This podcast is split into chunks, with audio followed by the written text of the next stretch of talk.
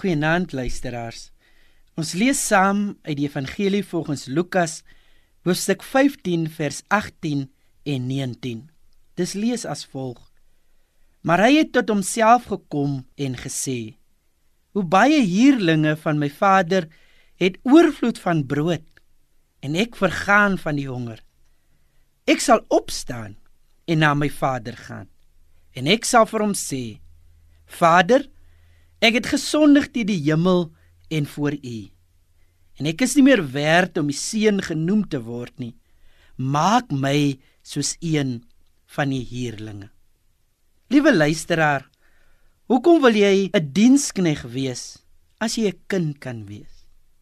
Ons lees dat die seun in die narratief by homself gedink het dat hy sy pa sal vra om hom liewer 'n dienskneg te maak.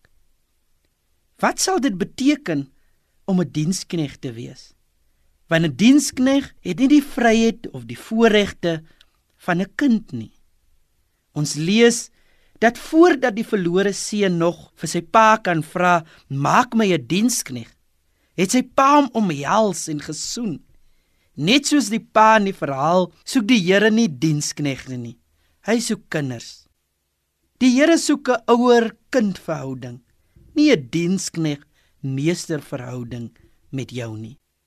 'n Dienskneg is in 'n werksverhouding.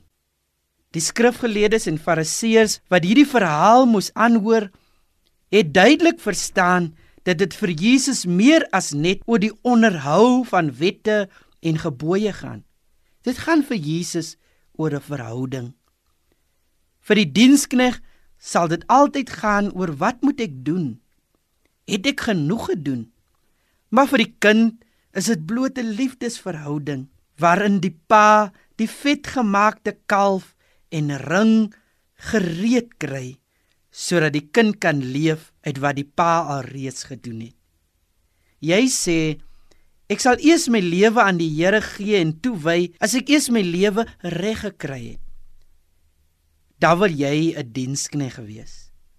Die Here verwag nie van jou om eers jou lewe reg en in orde te kry nie. Jy moet net kom aansit soos 'n kind en alles wat jy wil doen en reg kry aan hom oorlaat. Jy maak aanhoudend beloftes dat jy nou dit gaan doen en dan dat gaan doen om die Here te beïndruk. Maar weet jy wat? Hy wil nie hê jy moet kom werk nie. Hy wil hê jy moet kom aansit aan die tafel as sy seun, dogter. Jy moet leef binne die genade van die Here. Jy moet leef uit dankbaarheid van God se vergifnis aan jou.